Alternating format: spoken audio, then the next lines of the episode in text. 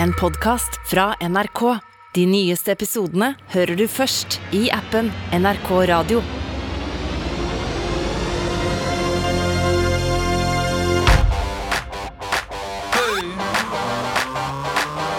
Popkorn over politikk med Sean Henrik Matheson og Gjermund Stenberg Eriksen. Au, vi skal til Tyskland.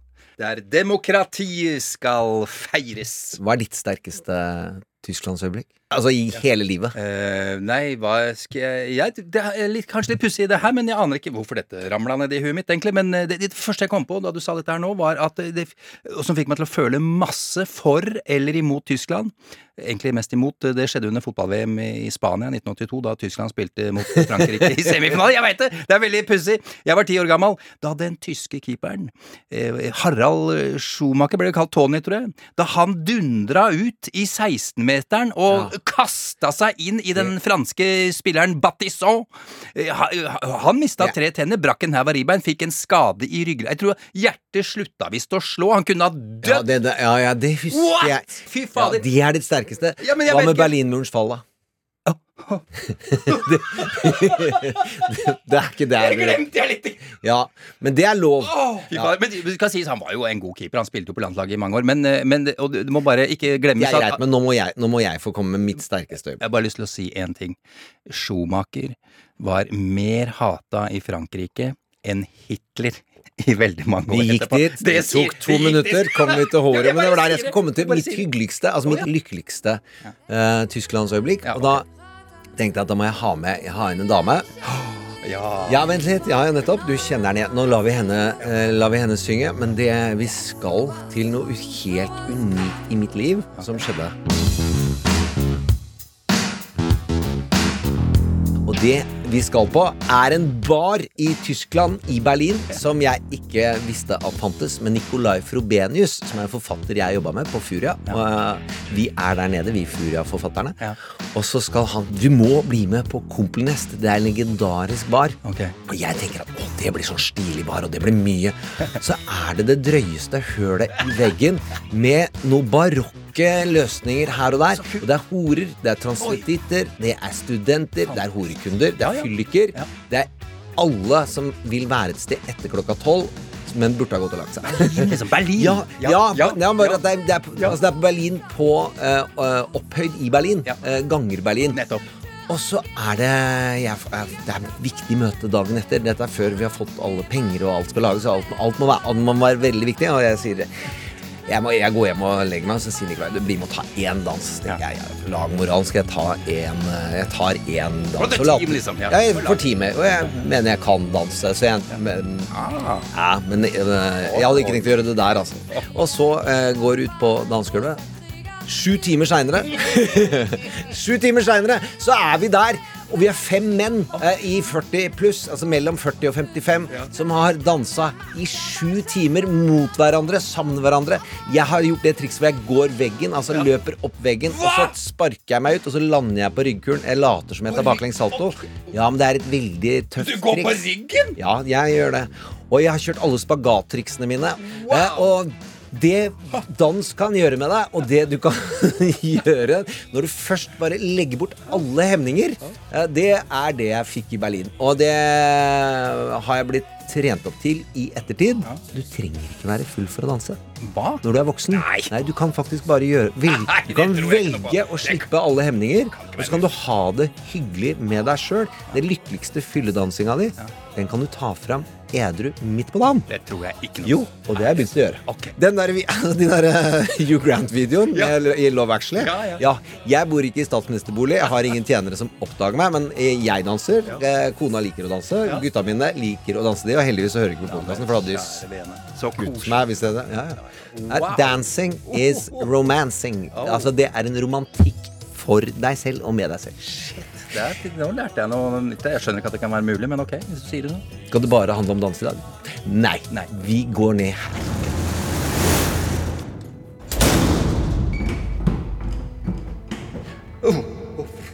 Ja, vi skal ned i kjeller igjen. så. Ja. Fordi vi skal ned til det Tyskland frykter mest. eh, Og det er forrige uke så snakket vi om den eh, én type antagonist. Den du frykter helt og rent. Eh, men nå skal vi snakke om den karismatiske antagonisten. Og det er, eh, et, mener jeg, et illustrerende eksempel å besøke eh, Anthony Hopkins eh, når han spiller Hannibal Lecter. Og når vi nå går gjennom gangen, så er det en del ting serie... Nei, vent litt. grann. Manusforfatteren og regissøren gjør. Eh, han viser oss tre monstre før vi kommer til han. De er helt u... Se, på han. Unikt ekkel. Ja, han der onanerer. Det er ikke hyggelig. Eh, det er ekkelt. Eh, og han her sier veldig stygge ting. Eh, og så er det en måte å vise fram han her. You use Evian skin cream. And sometimes you wear lead tone. But not today. Did you do all these drawings, Doctor? Ah. That is the Duomo scene from the Belvedere. You know Florence? All that detail just from memory, sir? Memory, Agent Starling, is what I have instead of a view. Well, Jack Crawford must be very busy indeed if he is recruiting help from the student body. Busy hunting that new one, Buffalo Bill. What a naughty boy he is. Do you know why he's called Buffalo Bill? Please tell me. The newspapers won't say. well, it started as a bad joke in Kansas City homicide. and They said this one likes to skin his humps. Why do you think he removes their skins, Agent Starling? Throw me with your acumen. It excites him. Most serial killers keep some sort of trophies from their victims. I didn't. No. No, you ate yours. Oh, Hannibal der, altså. Ja. Og en måte å få oss til å bli tiltrukket av ondskap eh, og godta ondskap, er å presentere oss for verre ondskap. Altså, vi vises tre monstre først, eh, og der står han pent og pyntelig. Han ser henne, og han er flink til å kommentere detaljer. Han er flink til å male og tegne, og han skryter av minnet sitt. På en måte så blir han mye mer menneskelig enn de andre. Eh, og han er britisk karakterskuespiller, men han spiller en affektert amerikaner, en intellektuell, eh, som man kan lene seg også litt inn i. Og det siste jeg vil si om hvordan Hannibal Lecter likevel vokser på oss gjennom de grusomme handlingene som vi blir kjent med at han har gjort, så er det en fyr som gjør noe verre. Som flår damer. Som vi mener er verre enn å spise. Å spise dem. Ja, okay. Ja, men det er da empati. Altså, han får fram at han forstår Clarice og hva som rir henne. Eh, og hva som er innerst i henne. Og det som er med karisma, er at det faktisk er mye magi. Altså, Noen har det, noen har det ikke. Mm. Ja, okay, ok, du vet jo mye om mediepersonligheter. Ja, ja. Eh, og det tar lang tid å finne noen som funker på TV. Altså, det, det er utrolig mange som ikke gjør det. Og det er veldig rart. Det, er- altså, en- du utstråler noe, eller så gjør du det ikke. Eller på radio. Eller på radio. Eh, Men det er i hvert fall Og det samme er det i politikken. Til en viss grad. Der kan du nemlig beregne det noe med kontekst. Men der det kommer til teknikk, er jo at karismatiske folk må vise at de forstår noe hos sitt publikum. De må friste deg med noe, enten ved å forstå din sorg eller ditt håp. Og der er Hannibal veldig god til å forstå Clarice. Hør her. After your father's murder, you were orphaned. You were 10 years old. You went to live with cousins on a sheep and horse ranch in Montana. And? And one morning I just ran away. Not just, Clarice. What set you off? You started at what time? Early, still dark. Then something woke you, didn't it? Was it a dream? What was it? I heard a strange noise. Screaming. What did you do? I went outside. I crept up into the barn. I was, so scared to look inside, but I had to. What did you see, Clarice? What did you see? Lambs. They were screaming. They were slaughtering the spring lambs, And They were screaming. and you ran away? Yes. I took one lamb and I ran away as fast as I could. Where were you going, Clarice? I don't know. I didn't have any food, any water, and it was very cold. It was very cold. He was so heavy. I didn't get more than a few miles when the sheriff's car picked me up. Rancher was so angry, he sent me to live at the Lutheran orphanage in Postman. I never saw the Ranch again. What became of your lamb, Clarice? I killed him. You still wake up sometimes, don't you? You wake up in the dark and hear the screaming of the lambs. Yes.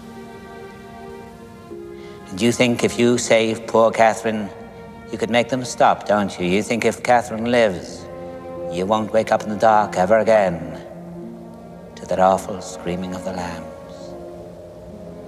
I don't know. I don't know.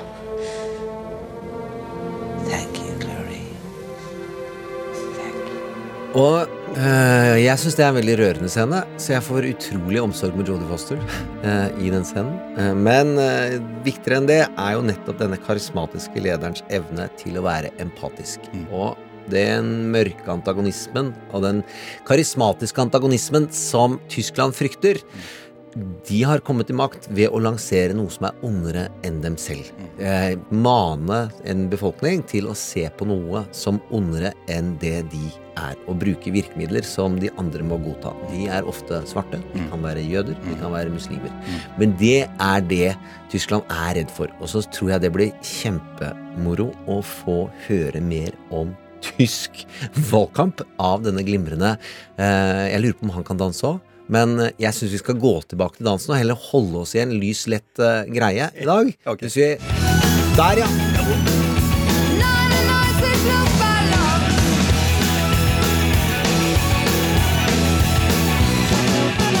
Ja, velkommen til Popkorn og politikk. Jeg heter Sean Henrik Matheson Gjermund. Du heter Gjermund Stenberg Eriksen, og, og sammen med produsentene Super-Silje Martinsen Vettre og Kanon-Jon Branes, så er det vi som lager denne podkasten om eh, politikk og, og serier, og film og fiksjon og sånn. Og i en salig blanding, kan vi vel si. Vi forklarer politikk med de virkemidlene som brukes i fiksjon. Du har sagt, Gjermund, vi skal tilbake til eh, Tyskland. Om to dager er det valg. Vi skal snakke om SPD. Det er Sosialdemokratene, et parti som har ligget nede i årevis, men som nå ser ut til å gjøre et comeback. Et comeback som mange ikke egentlig så for seg. Vi skal også snakke om hva, hvilke koalisjoner som kan oppstå. Det er jo sånn de gjør det i Tyskland. Store sentrumsorienterte koalisjoner. Og med oss eh, i dag har vi vår gode venn Sten Inge Jørgensen, eh, journalist i Morgenbladet og Tysklands eh, ekspert. Eh, Sist søndag var det vel, Gjermund, så var det Emmy-prisutdeling. Det er jo, det er jo stor, en stor, stor, stor morodag. Ja, spesielt for dere i bransjen, selvfølgelig. Eh, Og ettersom vi da er en podkast som snakker om både film, eh, nei, ja, politikk og film og TV-serier, så, så skal vi bruke litt tid på det i dag også. Og så må vi feire en liten fanfare her. Barabam. Norge ble nominert i går. Atlantic Crossing ble nominert. Og det betyr at det er. Europas kandidat til å vinne Emmy. Det er sånn Emmyen fungerer. Ja, ja. Men det er utrolig gjevt å være nominert der. Ja. Eh, Så det blir moro Ja, at vi skal gjennom den der. Ja, Men i dag skal vi snakke mest Vi snakker om det internasjonale, Ja, for der er prisene delt Ja, ut. Og det er mer enn nok å snakke om. Det er serier som har rørt meg. Altså så helt spinnvilt! Det er helt riktig. Vi skal til Emmy litt seinere. Nå til godteribitene våre. Ligger i, i skåla her. Dette er jo ting vi ikke, som vi syns er morsomt å snakke om, men vi kan ikke bruke altfor mye tid på det. Et av spørsmålene mange stiller seg i USA for tida, det er jo om Trump kommer til å stille til valg på nytt i 2024. Donald Trump, altså. Charlie Sykes, en konservativ journalist og mannen bak den fremragende podkasten The Bulwark, og tidligere gjest i podkasten vår Trump mot verden, han har også stilt seg dette spørsmålet, og svart. So is there any doubt in your mind that Donald? It is extraordinary. Is there any doubt in your mind that Donald Trump is running again for Oh president? God, no! I mean, Donald Trump is a, is the de facto uh, Republican nominee for president. I- I, don't. Is there any way that he No. runs and does not win the Republican nomination? Can't imagine it. No, I can't either. Hvem er det han snakker med Han snakker med, Stu, han, han snakker med Stuart Stevens, sjefstrategen til Mitt Romney. Den mestvinnende republikanske strategen i amerikansk historie. Eh, han har vunnet flest valgkamper for republikansk side og jobbet på alle presidentkampanjene. Som de, har- de de har vunnet, og de de har tapt med mye senatsgreier òg. Uh, så dette her er republikan, uh, Republican Whispers. Det, er, det er sånn som han Robert Redford som forstår hesten. Eh, de her forstår de. De har jo meldt seg ut, men de følger de, og de, uh, dette er et av de spørsmålene jeg får mest Ja.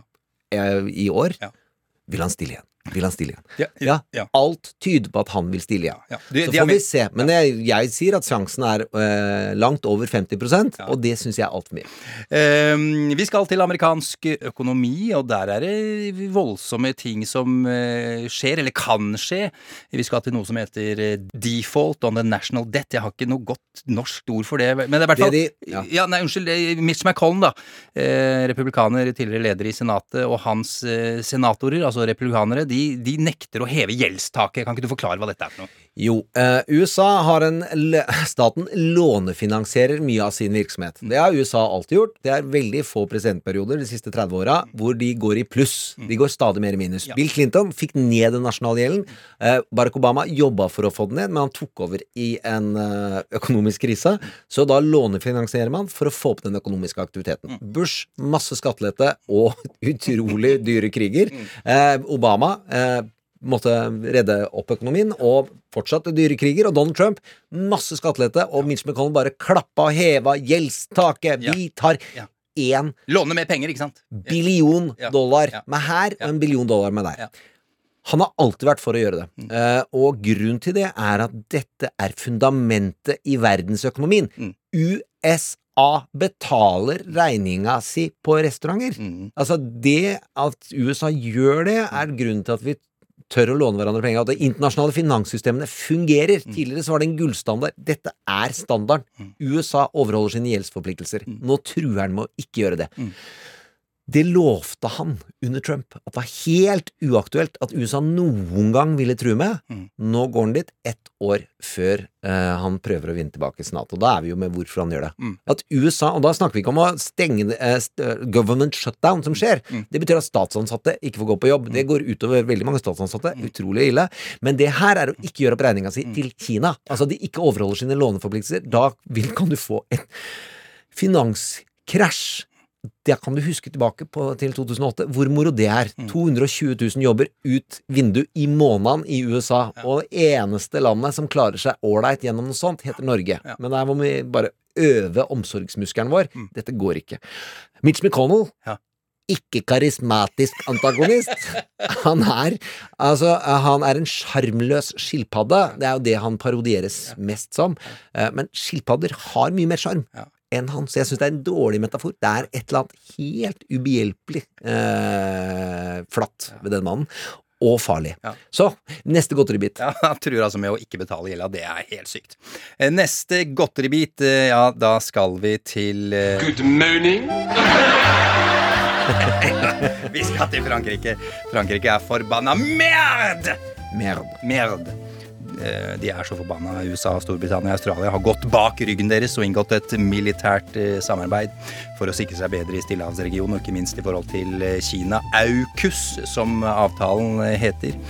Det som er vondt for Frankrike, merd, er at denne avtalen innebærer at Australia avlyser en avtale om å kjøpe en haug av ubåter fra Frankrike. Dieselubåter. Ja, gammeldagse dieselubåter. Ja.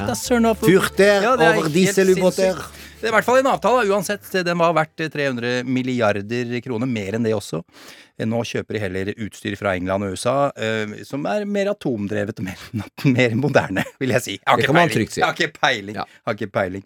Eh, I hvert fall Frankrike de kalte ja, tilbake sine ambassadører, avlyste arrangementer, mista No det- ambassador for you! Men nå har Biden, da, Joe Biden snakka med Macron, eh, så ambassadørene er på plass. Je suis désolé. Ja, vi sier merde. Men det er, dette ble jo blåst opp som en stor internasjonal krise, og jeg er ikke på faglig hjemmebane når det handler om internasjonalt samarbeid og maktforhold. Jeg, men jeg er veldig god på amerikansk innenrikspolitikk, og her funka det utmerket for Biden. Eh, selv om det blåses opp at vi visste ikke hva du gjorde, du, eh, nå gjør han nok en utenrikspolitisk blunder. Han tråkka på Frankrike, skaffa 200-300 milliarder kroner til USA. Det fungerer glimrende til de neste årenes valgkamper. Og han er venner med Australia, og han får med Australia til å investere Bygge relasjon til han inn mot Kina. For disse ubåtene skal jo ikke seile rundt Europa. Nei, nei. De skal seile rundt i det havet der Biden virkelig trenger hjelp i de neste hundre årene. For Kina er den viktigste antagonisten i maktspillet om hvordan planeten skal fordeles. Og så er det Putin er den farligste, mener Biden, men den viktigste antagonisten for Biden, det er Kina. Og så er det en annen oppside. Det er jo at han bygger samhold i Europa. Ja. at Frankrike må klare seg selv, ja, og at Frankrike er nødt til å se seg om i sine nære omgivelser. Det er en annen holdning til Europa enn Trump hadde, som bare vil at alle skal bli svakere, og han skal gjøre alle avtaler én og én. Jeg tror Biden og Blinken, hans utenriksminister, ønsker et sterkt Europa som tar ansvar for sitt egen bakgård, og slutter å leke nede i Asia. Ja da, de ble veldig fornærma, men de har, de har jo fått full støtte av eh, EU og syns at det var dårlig gjort, alt det greiene der. Og klart han er litt forbanna på Boris. eh, Oi, apropos Boris. In London, we are not stupid. Nei, jeg er ikke helt sikker på det, Gjermund. Nei, ikke alle, ikke alle knivene i skuffen er like skarpe i London om dagen. En er litt mer bustete også. Uh, denne uka så har jo da Boris Johnson uh, stått på talerstolen i FNs hovedforsamling og sitert frosken Kermit. Skal vi høre den, da? And when Kermit the Frog, Kermit the Frog, sang, It's not easy being green. Do you remember that one?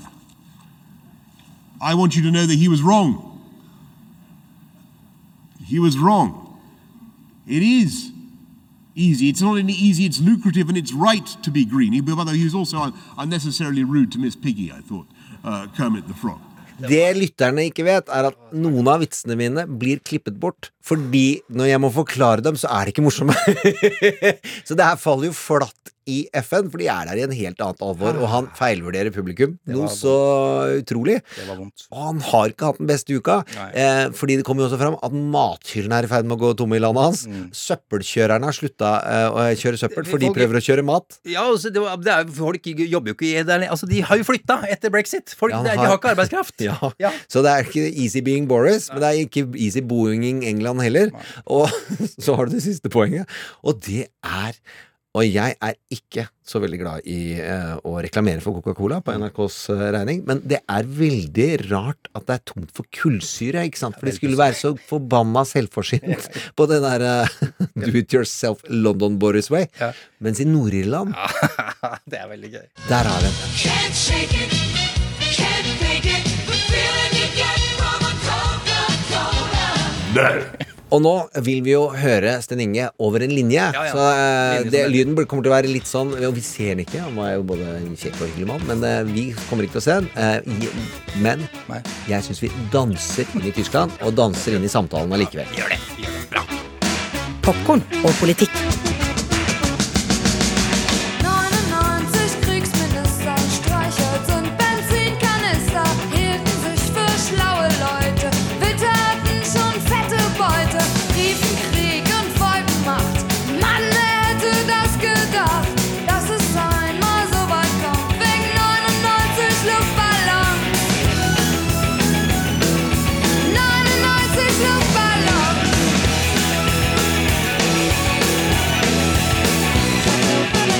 Om to dager er det valg i Tyskland, og det som gjør dette valget litt mer spennende, ja, eller i hvert fall litt mer annerledes enn de fire siste gangene tyskerne har gått til valgurne, er, som du vet, at Angela Merkel takker for seg. Hun har vært forbundskansler i 16 år, en av de viktigste og mest innflytelsesrike politikerne i Tyskland og i EU, og har blitt kalt verdens mektigste kvinne opptil flere ganger. Nå er en epoke over, og det ser ut til å få få direkte innflytelse på valget. CDU, de kristenkonservative partiet hun representerer, går kraftig tilbake.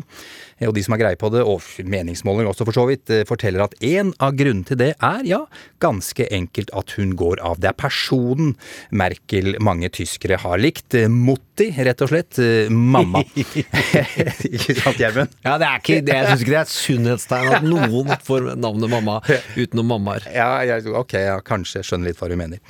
Et parti som derimot har fått vind i seilene de siste par månedene, eh, og som nå leder ganske tydelig på meningsmålingene, det er SPD. Sosialdemokratene, og de skal vi konsentrere oss om nå. Tysklands eldste parti ble etablert eh, allerede i 1875. Dette er partiet til selveste Willy Brandt, og ikke minst Gerhard Schrøder. Han var også den siste forbundskansleren partiet hadde. Han gikk av i 2005 da Angela Merkel tok over, og nå ser det altså ut som om de er i ferd med å gjøre comeback. Det er en glede å ønske deg eh, velkommen tilbake, Sten Inge. Takk for det. Sten Inge Jørgensen, journalist i Morgenbladet med Tyskland og Europa som spesialområde. Altså Ved sist valg så gjorde SPD sitt eh, dårligste valg noensinne, landa på 20,5% Nå ligger de på 26. For et par måneder siden så lå de på 16. Jeg nevner også at deres største politiske rivaler CDU og CSU, altså det er to søsterpartier som for å si det enkelt har slått seg sammen, kalles unionspartiene, de ligger nå på 21% noe som for deres del er helt krise. Men SPD skal det handle om nå. Ja, et sosialdemokratisk parti, da sier det seg kanskje selv hva slags politikk de er opptatt av, men eh, likevel, Sten Inge, eh, hva er SPDs fanesaker? Akkurat nå er det minstelønn eh, det står om. Eh, De sier at hvis de vinner valget, så skal minstelønna opp fra 9,60 altså euro, til 12 euro i timen. Og Det gjør at 10 millioner tyskere faktisk vil få økt inntekt. og For mange vil det være da opp mot 20% lønnsøkning. Er det det eneste partiet som er opptatt av dette her i Tyskland? Nei, det er ikke det. det de Grønne faktisk har også programfesta at eh, de vil ha 12 euro. Og ettersom De Grønne er den mest sannsynlige koalisjonspartneren, så regnes det som et ganske sikt, trygt løfte, da. Vi skal snakke om eh, koalisjoner eh, om bare noen få minutter her. Men SPD, Sten Inge, hvordan har de preget Tyskland sånn opp gjennom årene? Nei, det er jo egentlig urpartiet til alle europeiske sosialdemokrater. eh, Det norske. Hei, Einar Gerhardsen ringte! Ja, altså det er, dette var pionerene. altså Det var de som var på en måte først ute med hele det apparater som, som arbeiderbevegelsen bygde opp. Med sine egne aviser, sine egne organisasjoner. Og etter hvert da statsbærende parti. Og de har jo også, på samme måte som norske Arbeiderpartiet da, i etterkrigsårene, eh, dominert eh, som regjeringsparti. Og de har jo ofte hatt oppslutning på oppimot 40 ja, Men eh, det er eh, mye mer enn eh, det 20 de fikk ved sist eh, valg, altså 2017. Eh, Sten Inge, hvordan har de klart å snu dette her? Nei, Det er nok antagelig bare fordi at Olaf Scholz, deres kanslerkandidat, at han er den som egentlig ligner mest på Merkel. fordi det er ikke partiet egentlig som plutselig har blitt populært. Det er rett og slett altså man er ved innspurten av valgkampen, og så er det sånn eh, Nå skjønner man liksom OK, nå skal vi velge faktisk den personen som skal styre landet. Og så er da de konservatives kandidat Armin Laschet han er rett og slett for upopulær, også ganske klønete. Og Baerbock, som er de grønnes kandidat, hun ledet jo faktisk på meningsmålingene i vår. Men nå fremtrer hun for mange tyskere som litt sånn uprøvet, uerfaren. altså Det er litt risikabelt med henne. Så Olaf Scholz er liksom den trygge kandidaten. Det vil jo komme overraskende på noen podkastlyttere at jeg diskuterer politikk uansett hvor jeg er. Men når jeg da har vært og spilt inn og laga serie i Tyskland, så har sosialdemokratene konsekvent, uansett hvilken bakgrunn de ulike film-, TV- eller journalistene kommer fra, og har ideologisk, ment at sosialdemokratene, sjansen for at de kommer tilbake til makten nå, det har vært totalt off radar. Og nå er det han som blir statsminister. Har det virkelig skjedd så ferskt? Eh, Allerede sånn i midten av august så trodde alle at det ble Armin Laschet, altså de konservative kandidat. Så dette har skjedd bare på to-tre uker. Men var det flommen som gjorde det, eh, Sten Inge? Fordi eh, da fremstår jo Laschet ganske rar, der han går og gliser og ler, og det er tatt bilde av mens han liksom går rundt i, i flomområdene. Er det det som skjedde? Ja, Betydningen av det kan ikke overvurderes. Landet er i en krise. Det er sant, en kjempealvorlig flomkatastrofe. Masse mennesker dør. Tyskerne sitter og ser på dette på sin dagsrevy, følger med og er bekymra. Og så ser du plutselig at Armin Laschet står der og ler i bakgrunnen. Altså, Det gjør veldig sterkt inntrykk på folk. Men jeg syns denne fortellinga er utrolig eh, moro og spennende drama. Altså, fortsett. Nei, Hvorfor er det moro og spennende drama? Nei, Det jeg syns er veldig fascinerende, er hvor raskt det kan snu. Selv i det landet hvor man tenker at forutsigbarhet og det, folks eh, oppfatninger tar lang ting å vri. For det er konservativt i det sosialdemokratiske bevegelsen også. Det er jo ikke sånn at eh, folk dør etter å endre mening i Tyskland. Nei, så er det jo påfallende at egentlig Sosialdemokratene de regjerer jo allerede. De sitter jo i en storkoalisjon med de konservative. Så egentlig er dette et veldig uttrykk for ønske om stabilitet, eh, også sånn politisk. da. Nei, fordi SPT har jo sittet, de sitter nå, og de har jo sittet i tre av fire Merkel-regjeringer. Det var vel i 2009 de ramla ut eh, som du sier, eller som vi har sagt mange ganger her, eh, det er jo at tysk politikk er jo koalisjonsdrevet og, og sentrumsorientert. På, på hvilken måte har da SPD tapt eller vunnet på det, vil du si, Sten Inge? Det er jo en veldig spesiell situasjon nå, fordi at eh, det holder ikke lenger med to partier til å danne regjering. For i Tyskland så vil man gjerne ha flertallsregjering. Altså, Mm. Teknisk sett kan du danne en mindretallsregjering, men det er det ingen som ønsker. Når SPD da har krympa så mye som de nå har gjort, fordi selv om de har på en måte hatt veldig fremgang, så uh, ligger det jo ikke an til å få mer enn 25 mm. Og da må de da ikke bare få med én partner, da, men to, hvis det skal bli sterkt nok. Og Det i seg selv er jo en veldig lang og tung prosess. fordi Det er jo, det gis jo ikke gratis ved dørene i tysk politikk heller. Altså Vi står jo nå for en sånn situasjon ø, i Norge også, hvor det er tre partier som ø, ikke har bare godt å si om hverandre, som skal finne sammen. Men i Tyskland så er det jo da De Grønne er for så vidt greit, fordi de er stort sett enige i den store politikken, altså det store bildet. Men uh, hvem partneren skal bli, det er mer det utfordrende. Forskjellen på Tyskland og de fleste andre europeiske land, det er jo at de har ikke et sterkt sånn type venstreparti som står og bjeffer, sånn som SV og Rødt ville gjort i Norge.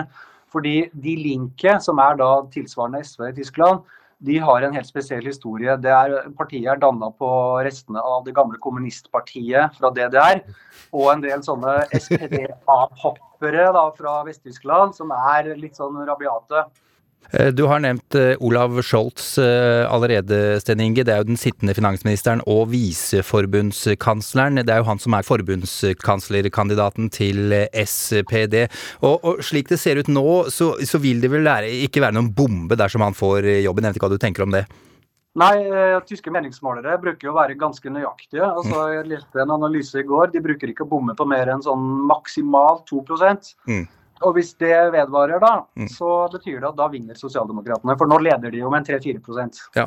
Hvor mye mer makt får det partiet i koalisjonen som har forbundskansleren? Nei, det er klart de får jo mer makt. øh, Det har jo stor betydning. Men igjen så er jo tysk politikk er jo veldig konsensusorientert. Og så er det jo sånn at øh, de har jo to kammer. Det er jo Forbundsrådet og Forbundsdagen. Og nå velger de jo da øh, Forbundsdagen, som er da tilsvarende Stortinget. Og så er det sånn at alle store, viktige politiske spørsmål må også godkjennes da av Forbundsrådet, altså andre kamre. Og der sitter representanter fra delstatene. Og der regjerer jo mange slags konstellasjoner. Vi skal eh, se litt på, på hva slags eh, ja, koalisjoner som kan eh, oppstå etter valget. Eh, I forhold til å sette sammen ulike grupperinger på samme sted, har du vært på baren Kompelnest i Berlin? Det har jeg. Har du dansa tungt i sju timer mellom tolv og sju om morgenen? Eh, Seks og en halv, tror jeg. Yay! Dere to! Faen, dette er helt sykt! Det var den baren du snakka om tidligere i dag. Ja, det er men, en... Men hva er det for en bar? Hvorfor er det så fett å være der? Det det skjønner du når du er der. Det tror jeg vi må eh, egentlig la lytterne få oppleve selv. Okay. jeg. Og det, det lar seg ikke helt beskrive. Kumpelnest 3000. Jeg har trodd det var Popelnest helt til jeg slo det opp i dag. Så jeg, fordi det var ganske mye lyd når jeg gikk inn, og så var det ikke så mye registreringsevne når jeg gikk ut. Så jeg har trodd det het Popelnest pga. Pompel og Pilt eller noe sånt. nå. Så nå har jeg lært meg ordet i dag.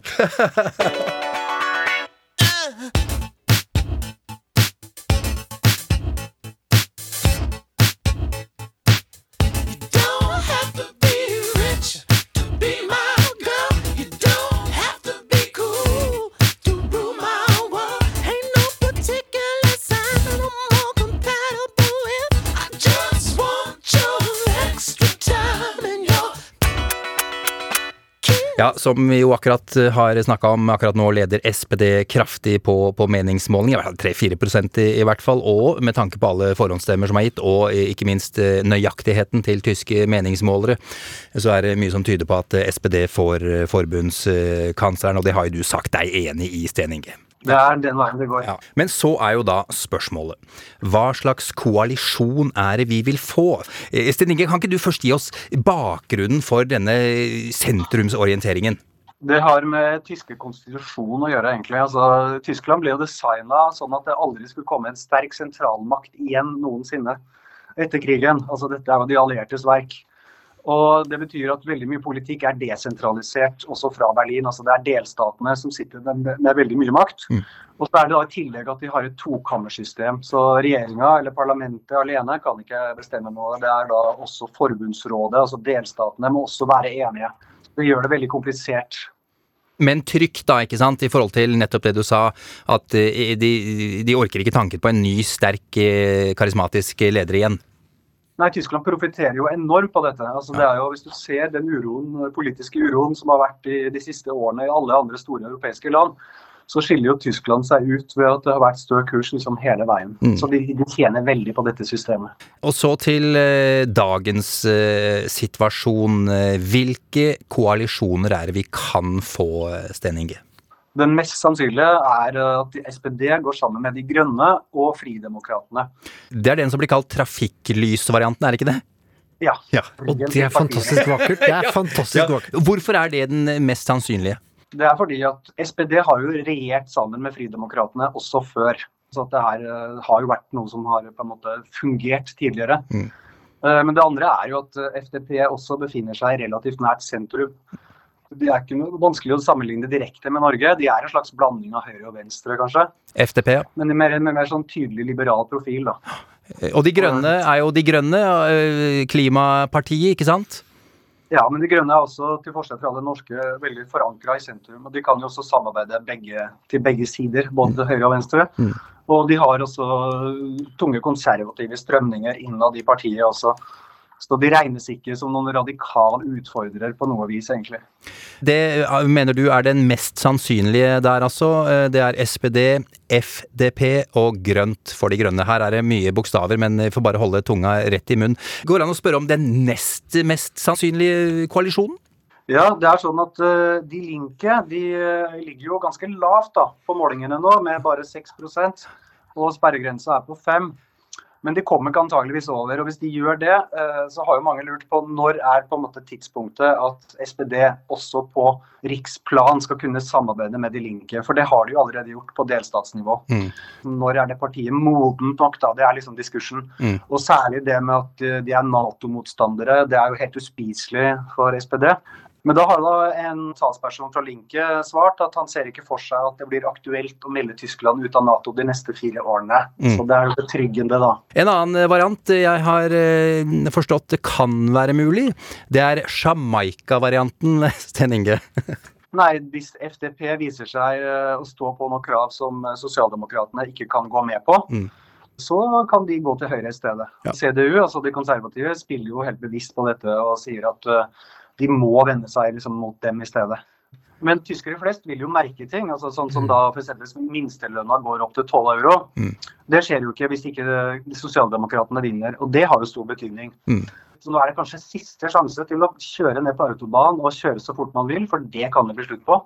Fordi Ah. SPD og De Grønne ønsker nå begge en fartsgrense på 130 km i timen, altså av miljøhensyn. Hva er det raskeste du har kjørt på autobanen i Tyskland? Inge? Jeg har vært oppe i 200. Å, fy faen! Ja, er det sant?! har, jeg har vært oppe i 220 med pappa i en Ford Sierra på 90-tallet. Det er jeg veldig fornøyd med. Dere er jo alle unga i bil nå! Ja, ja, ja. Fy fader, ass. Det var helt sjukt. Ok. Så det, ok, Men det er av miljøhensyn eh, ganske enkelt. Og vi vet jo det at eh, jo fortere du kjører, jo mer dritt kommer ut av bilen. Det er ganske enkelt, det er det ikke det, Sten Inge? Jo, sånn er det. Og så er det jo da Tyskland har jo veldig sånn klare klimamål. altså Dette, dette skal gå fort. Mye fortere nå. Og det er interessant, uh, unnskyld Gjermund, det er interessant det med klima, for der er jo, det er jo Tyskland veldig, veldig, eh, nesten manisk eh, opptatt av. Miljøbevegelsen oppsto på en måte i Tyskland. altså Den går jo tilbake i hvert fall 100 år der. er ikke bare naturvernerne, men dette med sånn biologiske, økologiske grønnsaker og sånne ting. Så dette er eh, urgamle tradisjoner eh, for tyskerne, og helt vanlig del av det politiske bildet også, at man må på en måte vise da eh, miljøhensyn. Hvis vi går utenriks, og da mener jeg først og fremst EU, altså med, det er jo store, ikke til å komme fra, store populistiske strømninger i, i Frankrike, Italia og Spania. Eh, og så har jo Tyskland vært et slags ankerfeste da, for demokratiet, og for ideen om at sammen er vi sterke. Kan Tysklands rolle her endre seg etter dette valget? Hvis De grønne står hardt på sin utenrikspolitiske linje, så kan det faktisk eh, få betydning. For de ønsker at eh, Tyskland ikke skal ha en sånn meglerrolle i EU-konflikter. De mener at nå er det på tide å ta mer stilling, og særlig da for autoritære utviklingen i Polen og Ungarn. Ja, Hva er det de vil at Tyskland skal gjøre da, som de ikke har gjort? Holde tilbake pengene. Altså, det er jo store overføringer som Polen og Ungarn får. Og de er jo i konstant tvist med EU-domstolen og, og kommisjonen om diverse lovverk da, som eh, de mener er fullstendig bryter med EUs verdigrunnlag. Og Pga. historien så er det jo særlig i forhold til Polen er det jo vanskelig for Tyskland å være tøffe. Eh, Men eh, De grønne mener altså at eh, nok er nok. En koalisjon vil oppstå på en eller annen måte, det er vi alle enige om. Eh, Og store kompromisser vil da måtte gis fra alle partier. Vil det gjøre arbeidet lettere eller vanskeligere i f.eks. hva slags forhold eh, Tyskland vil få til EU, tror du, Sten Inge? Nei, jeg tror ikke det har så mye å si. Jeg tror at uh, dette er en tysk anliggende altså inntil videre. Det kan ta lang tid før de får en regjering på plass. Men uh, dagens uh, kurs er jo tverrpolitisk allerede, og vil jo da vedvare. Altså utenrikspolitikken så er det veldig konstant politikk fra tysk side. Ja, og Det er jo mange som forventer at, at det vil ta tid, dette her. Altså å, å finne eh, koalisjonen, og, og at de finner ut av det med hverandre. Hva tror du om det? Ta, vil det ta lang tid? Ja, jeg tror det. Jeg tror det kan bli ganske vanskelig, i hvert fall hvis de fridemokratene skal stå hardt på sine ting. De har jo sagt f.eks. at det er utelukka med skatteøkninger. Mm. Eh, Både SPD og De Grønne vil jo ha det. Mm. Ingen som tjener under en million skal få økt skatt, faktisk, mm. med SPD.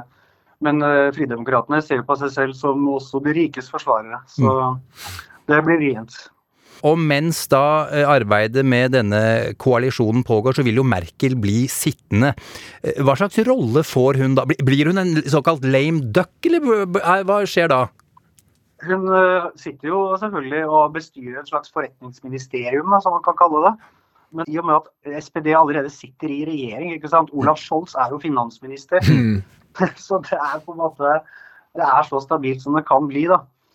Akkurat hva Merkel skal gjøre og hvordan hun skal finne sin retrett og sånn. Hun har vel akkurat sagt i et intervju at hun skal ikke flytte tilbake, liksom. Eh, Hun blir kanskje værende i Berlin og skal finne på et eller annet der. Mm. Og så er det jo en eh, leketøysfabrikant i Bayern som har laga nå en Merkel-teddybjørn.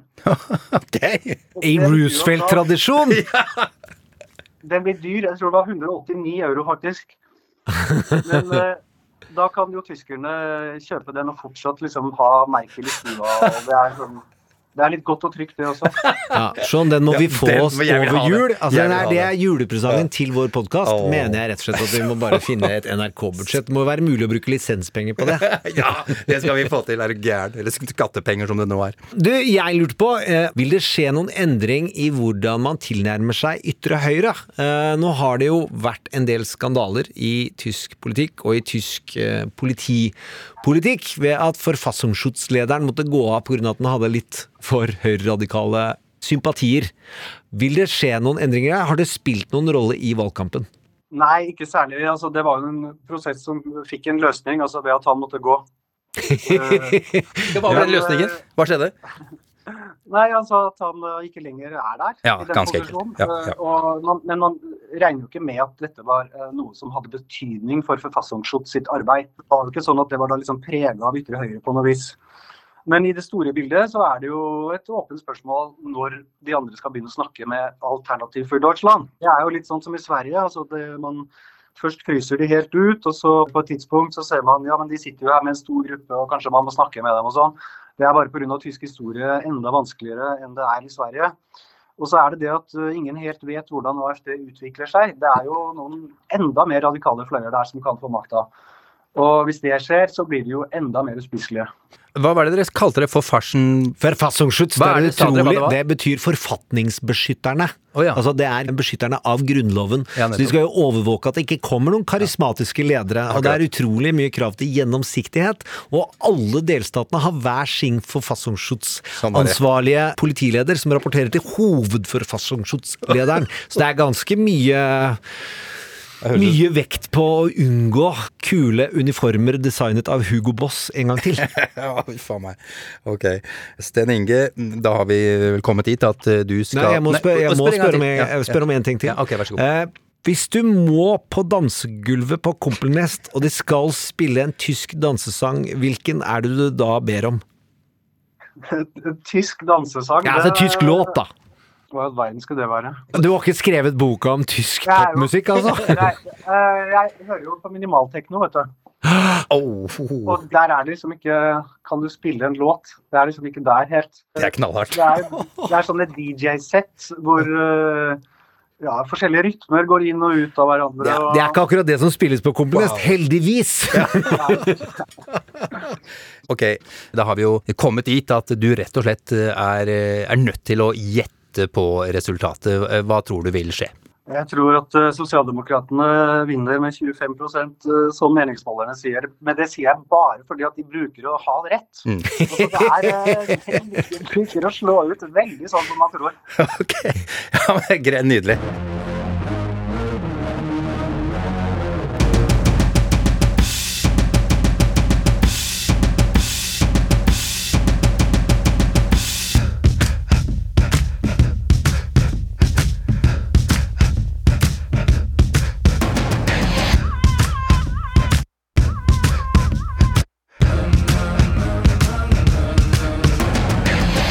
Var deilig, deilig å danse. Fader, vi danser i dag, Gjermund. Eh, lenge siden. Og edru. Ikke minst eh, edru. Det er det jeg eh, Denne må ikke høres på av barn under 13 år.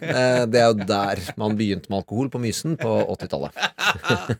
Eh, Nå skal vi snakke om Emmy-prisen. Sist søndag gikk den av stabelen. Nå har jeg faktisk glemt, jeg har fått spørsmålet mange ganger. Hvorfor heter det Emmy? Ah, det er en interessant historie. Utgangspunktet er fire mannlige prostituerte som levde på 1800-tallet. Et esel, en huske, to kilo klovnesminke og en kunstner som skulle male portrett av USAs 18. president Ulysses S. Grant. Ta det en gang til! Hva, hva, Nei, det er bare tulla. Det er ikke det. men jeg vet ikke, så du må ta den ordentlig, da. Jeg skal ta vel- ordentlig. Litt overraska at du ikke veit, egentlig, men eh, det er greit. Jeg har googla og glemt. Ok, greit. Jo, eh, første Emmy-prisen ble delt ut i 1946, eh, og før den da liksom skulle deles ut, så var det mange og lange debatter i The Television Academy om hva den skulle hete. De landa på IMI. Ja, nå begynner det å ringe bjeller. Ja. Og det er da en forkortelse for Image Orthicon Tube, altså et billedrør som de brukte, ja, ja, som de brukte i kameraer i, i gamle dager. Men så var det sånn at selve statuetten den var allerede blitt uh, laget, og den eh, består jo i Den hovedsak kan jeg beskrive. Ja, den kan du beskrive. Beskriv den, Gjermund. Den- Ja, det bare sier noe om det TV-bransjen har hatt veldig lenge, nemlig store komplekser for film. Mm. altså, Oscar-statuetten er utrolig klassisk slank og trygg. Mm. Det er en gul, ganske, en gullstatue, men den er ikke pompøs. Mm. Mens TV-bransjen tenkte fy flate, vi skal lage, den skal synes på TV, så den må stå på toppen av en klode, og det skal være en dame, hun skal ha finner, hun kan Mm. svømme, og skal ha vinger, og så skal hun ha et eller annet horn ut, og så holder hun en klode mellom hamrene. Det er verdens drøyeste eh, møte, hvor alle fikk med ideen sin. Sånn ser Emin ut. Så er den veldig tøff. Den er mye større i en Oscar i størrelse, og jeg tror i vekt så er den, den er helt drøy. Ja, den er- Men den er, eh, det er fra den tiden da TV ikke hadde smak. Mm. Når du tar imot den prisen, så skal den synes mest mulig på TV. Så Derfor har du lagd utrolig mange linjer og streker som stikker ut. Dette vet jeg jo, dette handler om produksjonsdesign. Ja, ja, selvfølgelig. Så de Emmy Ja. Artig hva de het. Ja. Jeg elsker den prisen, har den på hylla. Men uh, det, sånn designmessig så, så trenger den sin historie for at du skal sette pris på den. Ja, men alt det du sier er Du kan ikke ha det der i hagen. Alt det du sier er helt feil, skjønner du. Jeg tuller ikke. Alt det du sier er feil. Men bare for å si det først. Immi, det var en dame, stadøten var klar. De kalte den Emmy for at det skulle kanskje liksom være navnet på denne kvinnen da, som står eh, i og Ja. ja. Men det det er, skjønner du Pussig, du, du har sett det sikkert på den en million ganger. Altså, Du har den jo stående på peishylla når du er i stua. Du har den jo stående på do Nei, det når du er på do. smelter det. Tør jo ikke ha på på peisen. kjøkkenet når du lager mat. Du bærer den jo med deg, Gjermund. Dette vet jeg godt. Men det er altså en kvinne eh, med vinger som står rett opp på ryggen, og hun holder et atom. Det er ikke en klode, det er et atom. Og vingene det representerer kunsten. Hun er en muse av kunsten. Atomet representerer vitenskapen. Kunsten og vitenskapen, som jo TV er, Gjermund. Og så står du på toppen av en sokkel av en klode. Det var faktisk litt vakkert, men det er er ikke Jo, men det er også da det som kalles kitsch. Ja, det altså, det, er, det er hummer og kanari. Det jeg liker veldig godt. Hummer med alt, jeg. Ja, jeg har ikke smakt kanari. Surf and turf. Ja. Surf and turf. Dette ble veldig rart om Emmy-verden. Eh, Vi har fått en norsk Emmy-nominert, men nå skal vi snakke om den amerikanske Emmy-en. ikke den internasjonale. Den som amerikanerne holder på med. Og så konkurrerer vi alle vi andre med England og Australia og alt mulig, men amerikanerne har sin egen, fordi de har dulliarder. Eh, Men da må vi høre en låt som det er mulig å danse til, og det er fra Ted Lasso-serien, som var grovt undervurdert, og nå feires. Noe av det drøyst flinke serien jeg har sett på årevis. Bli med, hør, dans.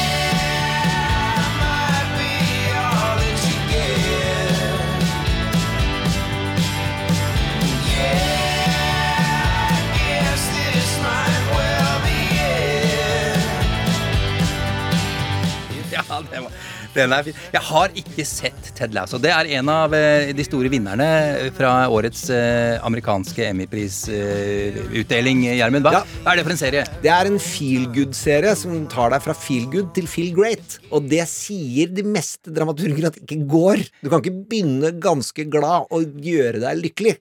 Og de gjør det med, på ekte og uten ironi, men med masse humor og glimt i øyet. Og det er triste og berørende ting òg, Ja, ja. og det er vul, eh, vulgært og flott. Altså det er utrolig vulgære ting som skjer.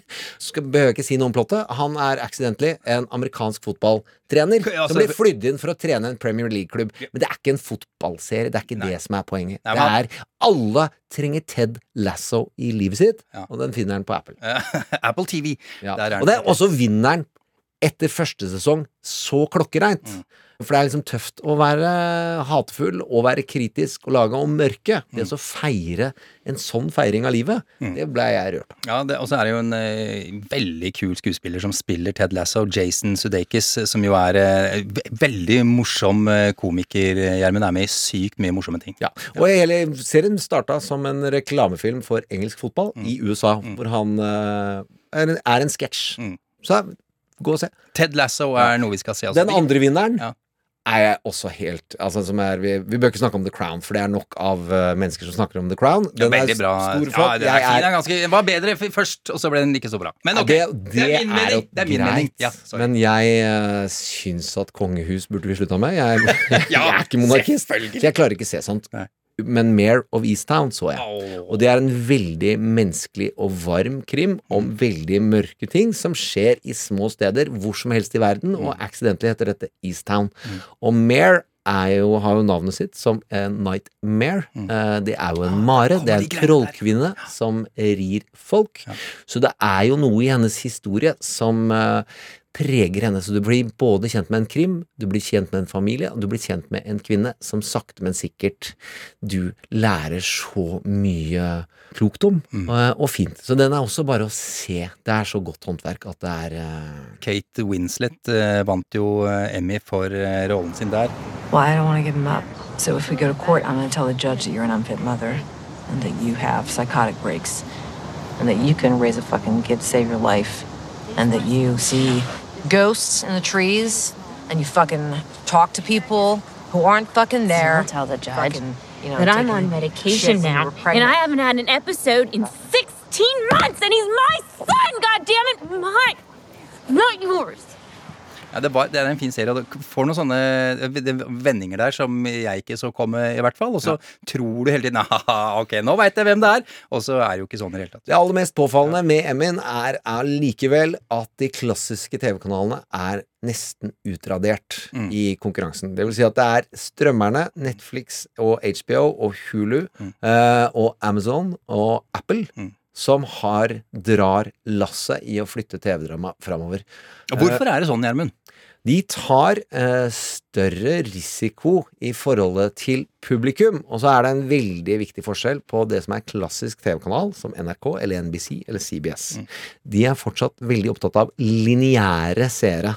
Og lineære seere, de må ha det tydeligere, og de må ha hekt raskere. Eh, og det gjør at eh, det blir to typer drama, da. Noen som eh, er sånn bang, bang, bang, bang, og ganske enkelt. Og så får strømmerne Det er som å gå på kino. Du setter deg ned og konsentrerer deg. Det er frivillig seing. Og jeg tror jo at disse klassiske kanalene i USA, CBS og NBC, de har bomma fullstendig på ikke bare gjøre hoppet. Send høy kvalitet. De gjorde det med West Wing. De trodde det aldri skulle funke. Og de fikk det, jeg husker ikke, ja, men det er 40 Men de lager millioner. dårligere kvalitet fordi det er lineært. Jeg skjønte ikke det. Hvorfor? Jo, fordi seerne som sitter og zapper, de er latere. Så skal du få dem med, så må du dra på litt, og du må være tydelig. Og ja, hvorfor det er skal jeg sånn Det er så er det tilfeldig hva du får, med deg, liksom, når du Ja, sitter nei, og ser du, lineært. du lager, ja, det er det, men du lager det også for de lateste seerne. de som er minst interessert, de er de du er mest bekymra for. Og det former ganske mye om hvordan man lager serier. Da, da lager man Criminal Minds sesong 12, da, hvor det alltid er en sinnssyk seriemorder i hver eneste episode. 22 episoder i året, så er det en sinnssyk seriemorder, eh, og det drepes hvert tolvte minutt. Og det er de drøyeste seriene der, der må du hooke hvert sjuende minutt. Du har sju akter hvor det skal ha reklamepauser, og da er det! Så det var en lang forklaring med mye lyd, eh, med lite innhold. Men jeg tror vi fikk det til. Skal vi gå mot eh, denne fabelaktig, helt drøye, utenkelig interessante gjesten vi skal ha neste uke? Ja, det er så sinnssykt Jeg vet, Det er nesten jeg ikke tror på det.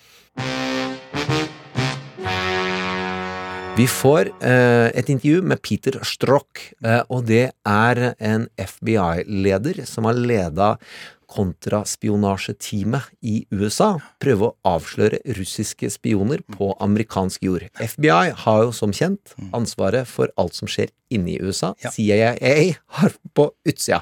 Og så har det blitt muddied, det vil si det har blitt litt grumsete når det er snakk om Homeland Security, eh, som har skjedd ting. Men Peter Strock ble jo ansatt og dratt inn i Mullers team. Mm. De, han som skulle gjøre.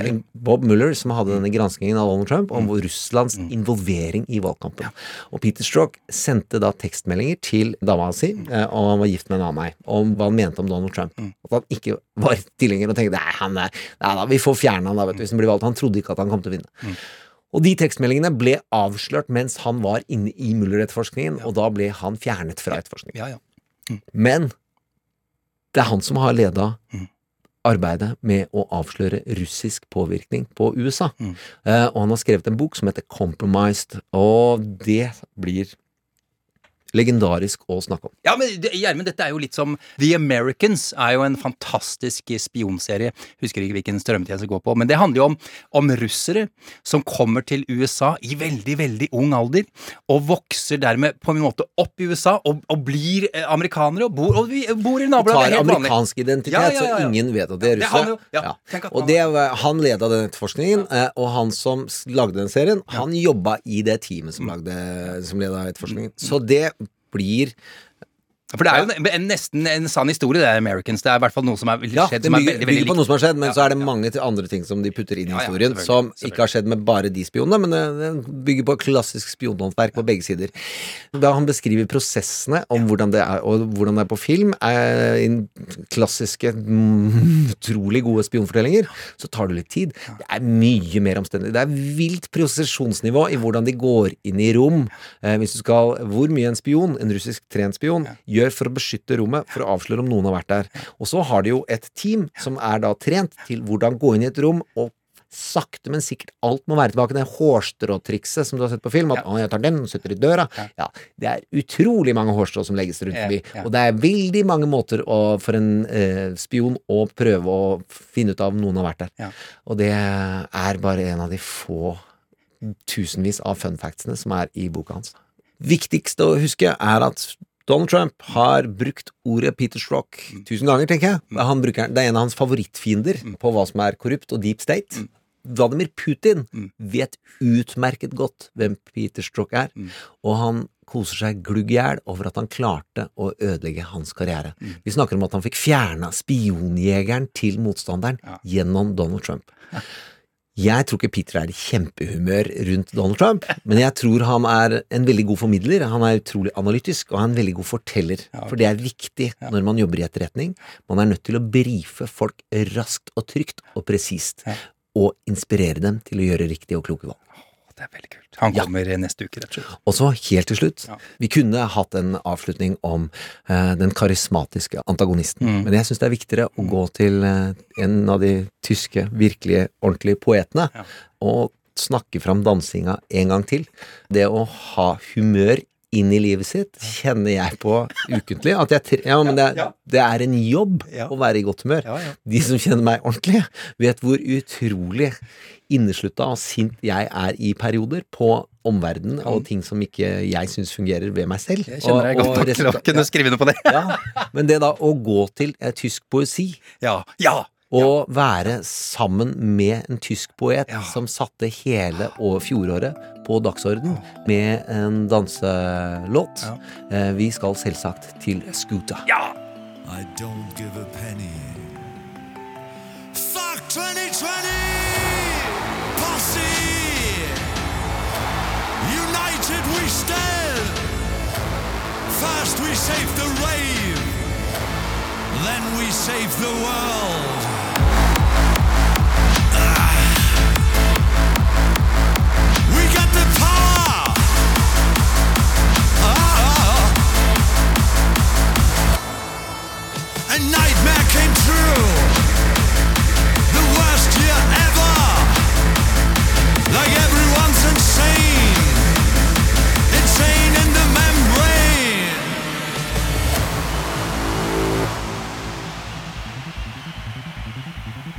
We're running till we can't no more. No obstacle can hold us back. You know we are unstoppable. It's not impossible.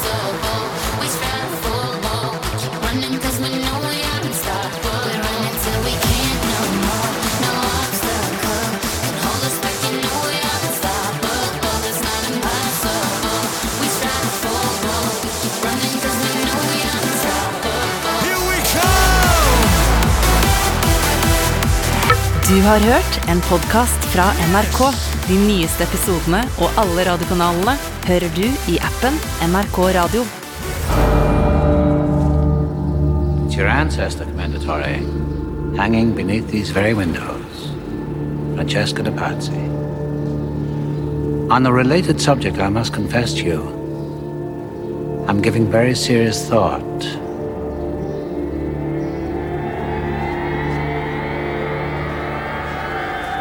To eating your wife. En podkast fra NRK. De nyeste episodene hører du først i appen NRK Radio. Vet du at eh, 25. september er det premiere på en helt ny podkast? Ja, den heter Excel-podkasten. 25. september er altså ingen vanlig dag, og det er ikke bare fordi det er premiere på Excel-podkasten, men også fordi det er på denne dagen ti år siden min beste venn Ara papegøyen Klodrik valgte å avslutte sitt liv og kaste seg ut ifra balkongen. Du fløy som en høne du, Klodrik, men du tenkte som en ørn. Men nok om det. Hver lørdag kommer det til å legges ut en eh, ny episode som tar for seg uka som gikk. Ok? Ja, ja, ja, ja. Bra.